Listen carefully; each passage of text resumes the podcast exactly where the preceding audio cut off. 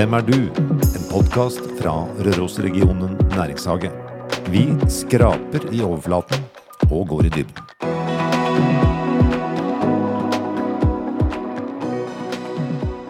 Ja, kjære lyttere, velkommen tilbake. Da er vi i 2023. Og eh, Næringshagen fortsetter med sin podkast. Vi har skiftet daglig leder. Det skal vi si litt mer om en bitte liten stund. Men Rørosregionen næringshage, vi skal bidra til utvikling og vekst for små og mellomstore bedrifter. Og vi skal i alle bedrifter som ønsker en tilgang til nettverk, kompetanse og kapital. Vi dekker Holtålen og Røros i Trøndelag. Og i Innlandet så dekker vi Os, Tolga, Tynset, Alvdal, Folldal og Rendalen. Vi er åtte ansatte med variert erfaring, og vi er klare for å gjøre det beste. Vår nye daglig leder og Næringshagens nye daglig leder heter Bente Bakos. Hjertelig velkommen. Tusen takk. Og da skal vi se og bli litt kjent med deg da, i dag, og litt forskjellig hva du har opplevd og hva du tenker, og det ene med det andre. Men vi starter rett og slett. Hva, hvor jobber du nå, hvilken stilling med hvilke oppgaver? Jeg jobber da som daglig leder i Rørosregionen næringshage. Som du eh, sa innledningsvis, så dekker jo det hele åtte kommuner. Og det er jo fra den regionen her mine aner kommer. Så eh, det er veldig trivelig da å komme hjem igjen Ja. eh, til en region man har fulgt med da i hele sitt liv. Eh, jeg jobber som daglig leder, og det vil da si at eh, næringshagen den skal jo bidra med kompetanse, nettverk og kapital for å få til økt vekst i næringslivet i hele regionen, og, men også ufødt næringsliv. Ja. Jeg ville bare høre deg selv si det, skjønner du, at det, måtte, at det, måtte gjentas. Om jeg kunne det? Men nei, ikke om du kunne det, men om du, om du, om du var helt klar over det ennå. Du, har ikke vært mange uker i jobb. Men skal vi se, du, er, du flytta fra Røros i 1981. Og du første, liksom, når du var på vei inn i voksenlivet, så flytta du over grensen til Sverige. Hva skulle du i Østersund å gjøre? Jo, altså, jeg skulle jo ta utdannelse, og så eh, hadde jeg jo hatt eh, en svensk kjæreste, men det tok jo slutt da, før, okay. før eh, høsten 81. Men eh, det var vel kanskje en av årsakene til at jeg søkte. Og så eh, hadde jeg veldig lyst egentlig å gå på Sosialhøgskolen i Trondheim, men der gikk det ikke an å komme inn som fersk ut fra videregående. Da måtte du ha mye ekstrapoeng og okay. seks i karakter i alle fag. Så hadde de eh, noe som heter Sosiale linjen, og eh, da var det jo Høgskolen i Østersund, nå er det mitt universitet. Så da søkte jeg der, og så måtte du ha en alternativ linje når du søkte. Så det var forvaltningslinjen, og der kom jeg inn med en gang. På første opptaket. Så du kom inn tilfeldigvis på forvaltningslinjen på Universitetet i Østersund. Ja. Og det fikk ganske alvorlige konsekvenser. Fordi deretter dro du til Oslo og fikk jobb. Mm. Og hvor jobba du da? Da eh, jobba jeg i Riksrevisjonen som stedlig revisor på eh, Nordisk ministerråds sekretariat, hvor jeg hadde da eh, hatt en praksisperiode mens jeg studerte i Østersund. Den, det revisorarbeidet, var det økonomi, eller var det mer at alt fungerte som det skulle i en helhet? Eh, Begge deler. Ok. Eh, Det var først det som man kaller regnskapsrevisjon, men etter hvert så var jeg med i, i Riksrevisjonen og startet opp det som heter forvaltningsrevisjon. og Det vil si at du sjekker om eh, Stortingets bevilgninger og hensikten bak dem da, blir eh, eh, fulgt opp. I vår tid så er det en ganske viktig stilling i forhold til demokratiet vårt, hvordan hele systemet fungerer, faktisk. Det er sant. Og du har da underveis senere, du flytta til Bodø. I all verden, hva skulle du i Bodø gjøre da? Jo, eh, det var jo sånn at jeg eh, ble eh, gift med en jagerflyver som da var stasjonert på 331-skvadronen i Bodø. Og det her var jo under den kalde krigen, så det var ja, på sett og vis eh, litt annerledes enn eh, det var senere på 90- og 2000-tallet. Eh, Jeg jobba jo da i Riksrevisjonen, så at vi hadde stedlige revisjoner rundt omkring i landet. Så da fikk jeg jobb som stedlig revisor i Bodø, og reviderte etater under Justisdepartementet i Nordland og Troms. Blant annet da lensmenn, politifolk og sorenskrivere. Ja. Hvor mye kjeltringer var det i lensmannsetaten? Det var en del eh, beslaglagte hjemmebrentapparat som kanskje var produsert på Røros. På Glåmos, i kjelleren på Glåmos, ja. På Glåmos samfunnshus, var det ikke der de hadde fabrikk? Jeg, jeg tror det. Har du da flydd F-16 en gang? Har du fått lov å sitte på en gang? Nei, Ville ikke, eller fikk ikke lov? jeg fikk ikke lov. Det, det, det har faktisk eh, ja, vært ulykka med det som andre militære som heller ikke var trent, satt på, og det gikk ikke bra. Skjønner. Men det at du var gift med en mann som var flyver, det brakte deg da rett og slett til USA. Ja. Hva gjorde du der? Der um, um, uh, tok jeg en master i business administration. Jobba uh, ett og et halvt år på noe som het Bureau of Business and Government Research, og fødte to barn. Ok, Og spilte også golf. Strålende. Hva er det beste med Texas? If you don't like the weather in Texas, just wait and it will change. det ante jeg ikke, men det er veldig, veldig bra. Det er som på Røros. Jeg skjønner. Det er alt fra støvstorm til snøstorm, da skjønner Ja. jeg, omtrent. Ja. det er Texas. Så kom du tilbake igjen til Norge høsten 92, og begynte i Forskningsrådet høsten 95. Og folk fikk barn nummer tre i 1997. Men det, din hovederfaring fra arbeidsliv og yrkesliv og verden, den er i Norsk forskningsråd. Ja. Hva var hovedoppgaven din i Norsk forskningsråd? Um, uh, jeg tror jeg vil si at jeg jobba veldig strategisk. Uh, nesten hele uh, alle de 27 årene. Først nasjonalt, og så eh, internasjonalt. Så jeg har vært spesialrådgiver helt siden jeg starta. Eh, Jobba mye med eh, utvikle gode strategier for eh, forskning og innovasjon. Eh, Den første kanskje som har fått eh, virkelig store konsekvenser, var OG21, olje og gass i det 21. århundre, som eh, rigga opp og avklarte forventninga til eh, Olje- og energidepartementet, de store næringslivsaktørene, på den tida Statoil, og nå Equinor, og forskerne. Sånn okay. at vi ble enige om hva er det som må til for at vi skal maksimere utnyttelsen av de ressursene som ligger i Nordsjøen. Og så har vi gjort det samme på miljøvennlig energi, innenfor klima, ja, prosessindustrien osv. Hvor lett var det å, nå 20 år senere, hvor lett var det å se inn i glasskula? Hvor feil eller hvor riktig så dere? Eh, det her begynte vi jo med på eh, begynnelsen av 2000-tallet. Så da hadde vi jo på sett og vis eh, eh, gjort en del når det gjaldt eh, olje og gass. Eh, Samarbeida veldig mye med de beste eh, i utlandet. Sånn at der eh, var det kanskje ikke så vanskelig. Det var verre når vi begynte med miljøvennlig energi, hvor eh, Norge var veldig prega av vannkraft. Ja. Ja. Å få, eh, kan du si, aktørbildet, da. Altså både myndigheter, bedrifter, forskere, til å se langt nok fram. Det var Det er ikke alltid like lett. Nei, det er det selvfølgelig ikke. Men eh, de største prosjektene du har, du har vært med på, hvilken, hvilken størrelsesorden snakker vi i forhold til økonomi og innsats i disse store prosjektene? Eh, De her strategiene eh, Altså, når vi lagde miljøvennlig, eller Energi 21-strategien, da, så leverte vi over den til Stortinget, til ministeren, var det faktisk i januar. Og så kom klimaforliket i eh, juni.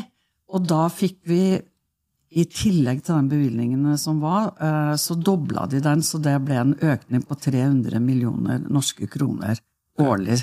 Sånn at selve statlige bevilgningen og endte da opp med på det tidspunktet 600 millioner kroner.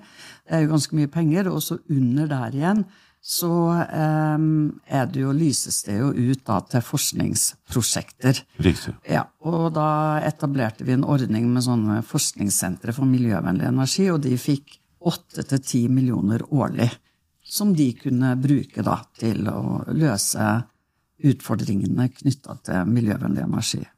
Når du jobba i dette systemet, så fattet du også altså du ville, du ville litt dypere i det, eller komme nærmere det, på sett og vis. Nå legger jeg kanskje litt ordene i munnen men i hvert fall så jobbet du i Brussel en periode.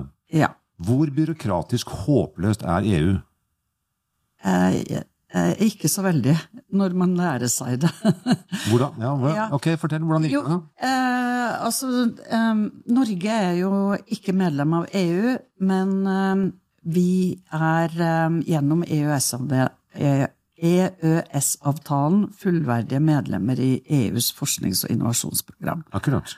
Og det er jo kjempestort, så det programmet som eh, man ofte kaller rammeprogrammet, og som nå er det niende, det går i syv år, og det heter Horisont Europa. Og der sitter eh, norske, Norge, representanter for Norge, på lik linje med representanter fra andre land, inn i programkomiteer og påvirke eh, prioriteringer og utlysninger. Og det er vi Ja. veldig gode på. Men det som slår meg når du sier det, er at eh, skal man vite noe om EU, eksempel, så bør man snakke med folk som har jobba der, og ikke lese avisene. Det er helt Kanskje. korrekt. Eh, Skal vi se, jeg har, Bente jeg har selvfølgelig kommunisert litt i forkant av denne samtalen. Det gjør jeg selvfølgelig med alle som er gjester i podkasten til Næringshagen. Jeg har jo jeg har noen sitater som Bente leverte underveis. Sitat nummer én det er trøndere i Brussel også. Eh, Sitat nummer to den går veldig mye på hennes eh, rolle som daglig leder i Næringshagen. Vi, altså, vi skal jo faktisk påvirke til vekst, og hun sier du må treffe på det du gjør.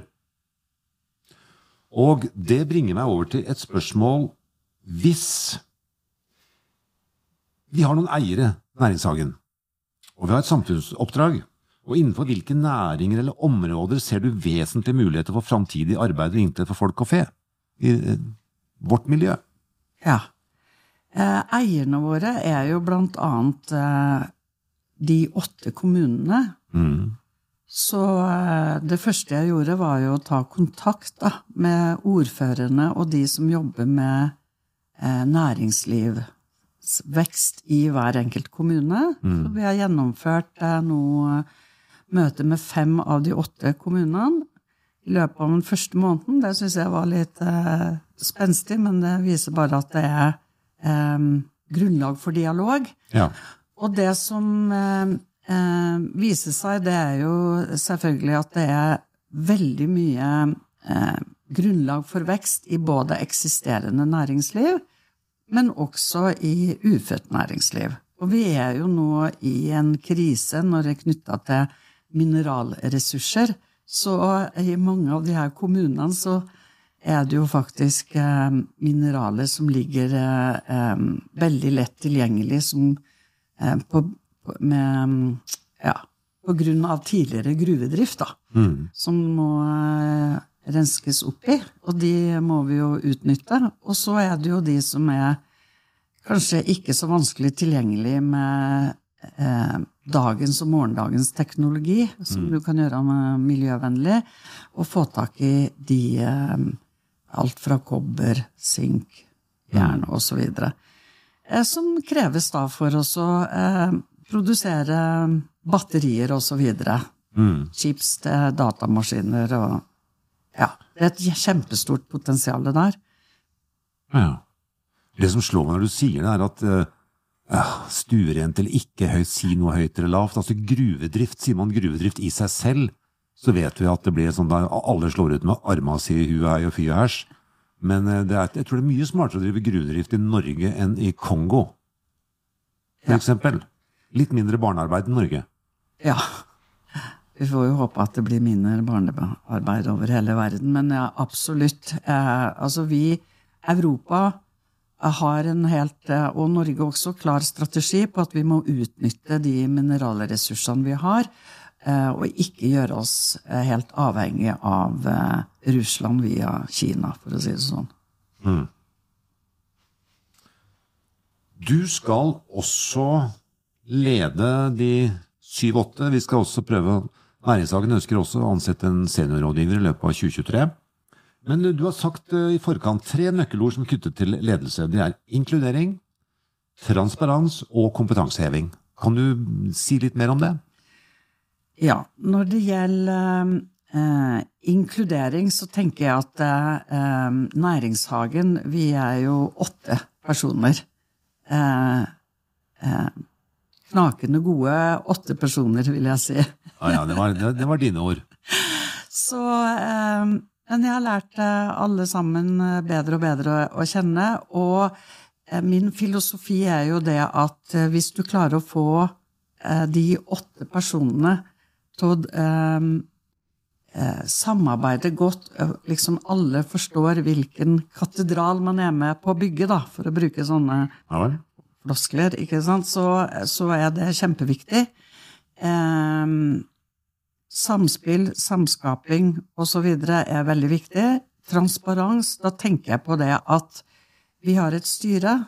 Eh, jeg vil at eh, alle åtte, og ikke bare daglig leder, skal være kjent med hva styret eh, tenker for eh, har, Hvilke strategier de har. Eh, hvordan skal vi oppnå det vi har sagt vi skal gjøre gjennom det næringshageprogrammet som vi nå har fått ti års bevilgning Mm. til å gjennomføre.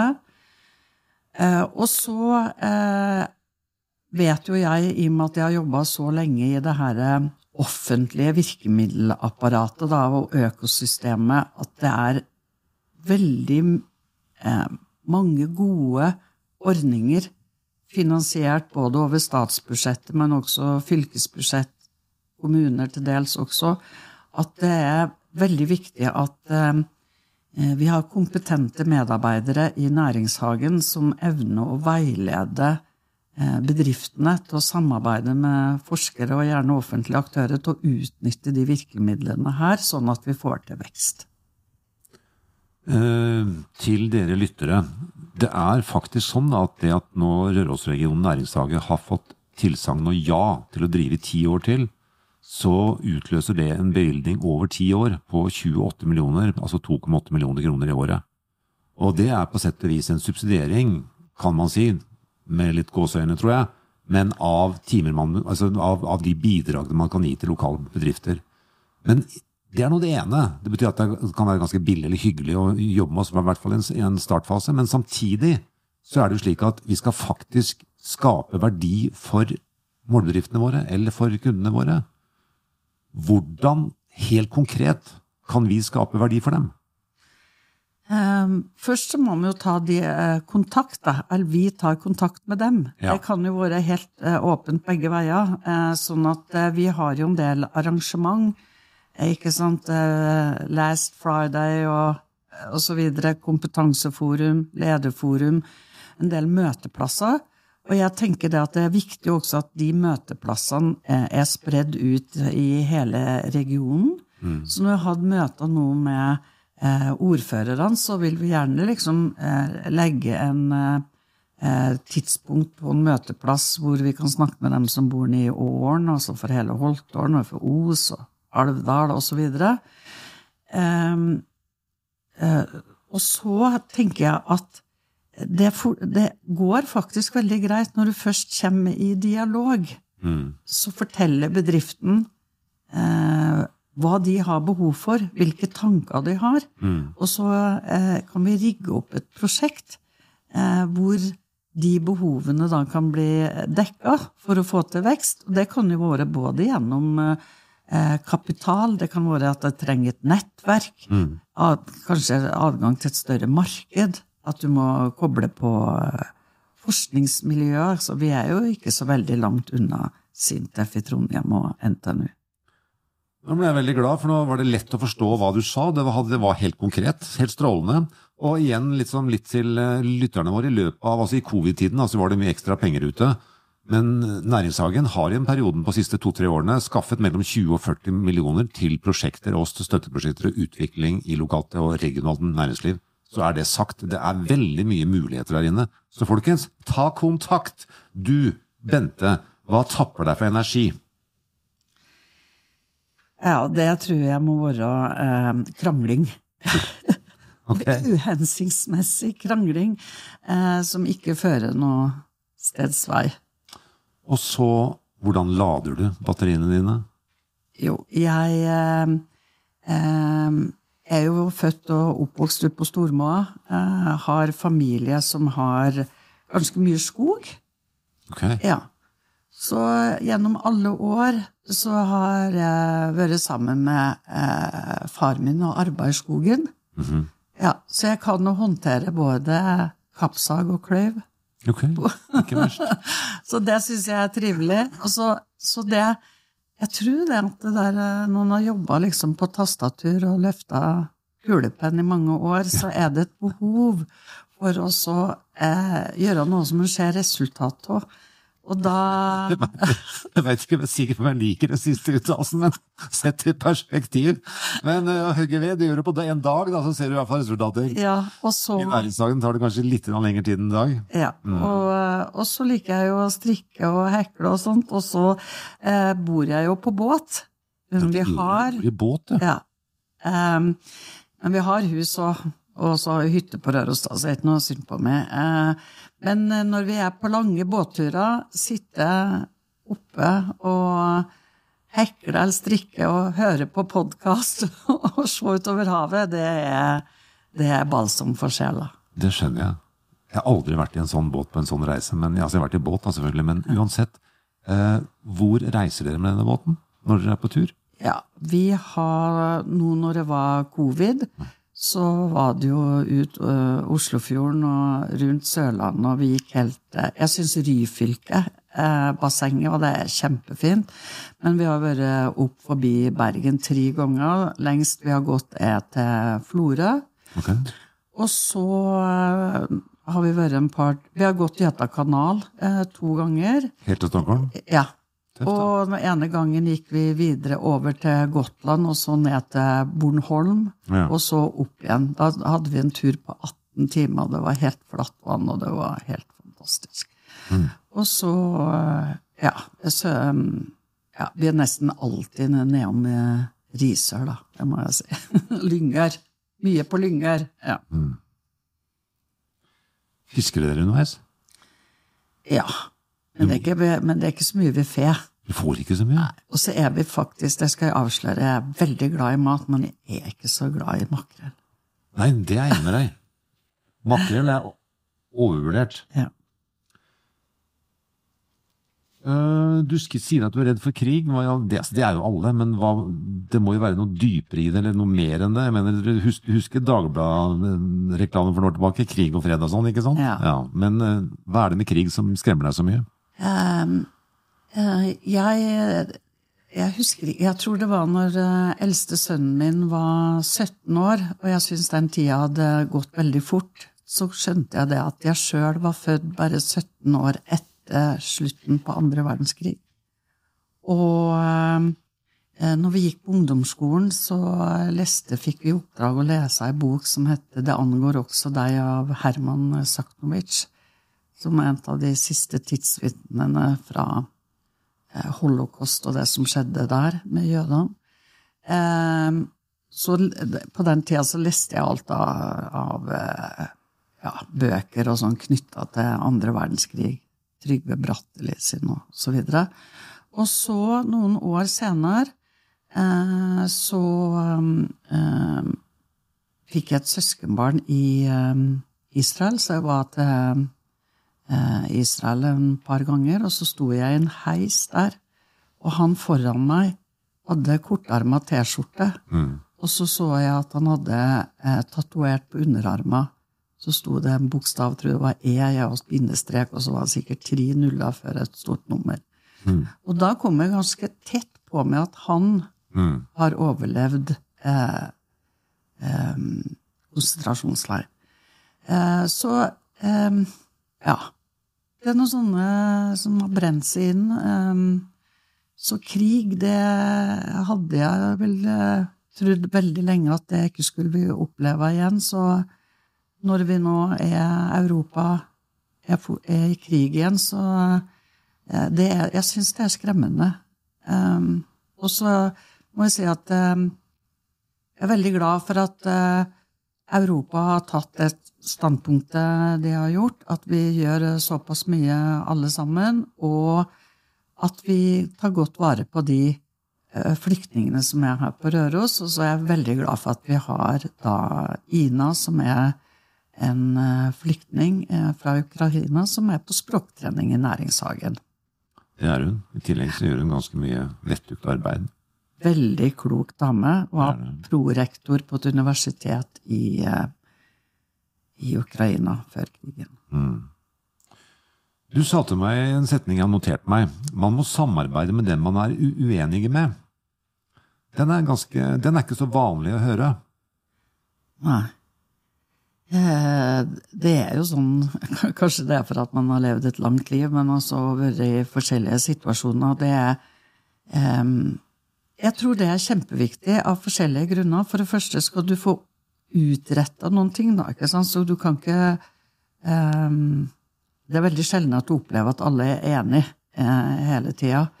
Og da, og for å ta riktige beslutninger da, og få til godt samarbeidsklima, så må du samarbeide kanskje enda tettere med dem som er uenige med deg, sånn at du får en forståelse av hvorfor de er uenige. Hvor, hvor er det du tenker annerledes, eller man resonnerer annerledes? Eh, og så kan man jo kanskje bryte opp det, da, og så, og så reflektere li, litt rundt det. Og min erfaring er da at kanskje man er mer enig enn det man trodde i utgangspunktet. I vår tid med så mye polarisering som faktisk er til stede, så er det kloke ord. Du sier også, eller sa også at utvikling må være forsknings- og kunnskapsbasert. Uh, jeg, jeg, altså, jeg er litt gira på det. At, altså, jeg har en sånn fantasi i huet mitt, da, fordi Bente har vært i Brussel og kjenner noen folk. Så kan vi få opp noen fete prosjekter, og så ringer vi i Brussel, og så får vi tre millioner eller ti millioner. Så kan vi finne på noe. Men en ting til som jeg har lyst på å peke på. Du er veldig opptatt av internasjonalisering. Du sier markedet er større enn Norge.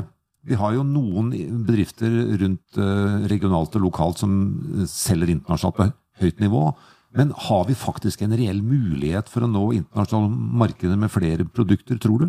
Ja, helt garantert. Jeg er ikke i tvil. Eh, Det er jo sikkert for at jeg har jobba veldig mye mot det internasjonale nå de siste syv årene, men alt som ja, altså Grunnen til at vi er en velferdsnasjon, må vi jo takke eksporten av eh, olje og gass, og for ikke å snakke om den leverandørindustrien som er på land, da, som er knytta til den næringa. Og så selvfølgelig eh, havbruksnæringa er jo eh, også forsknings- og kunnskapsbasert.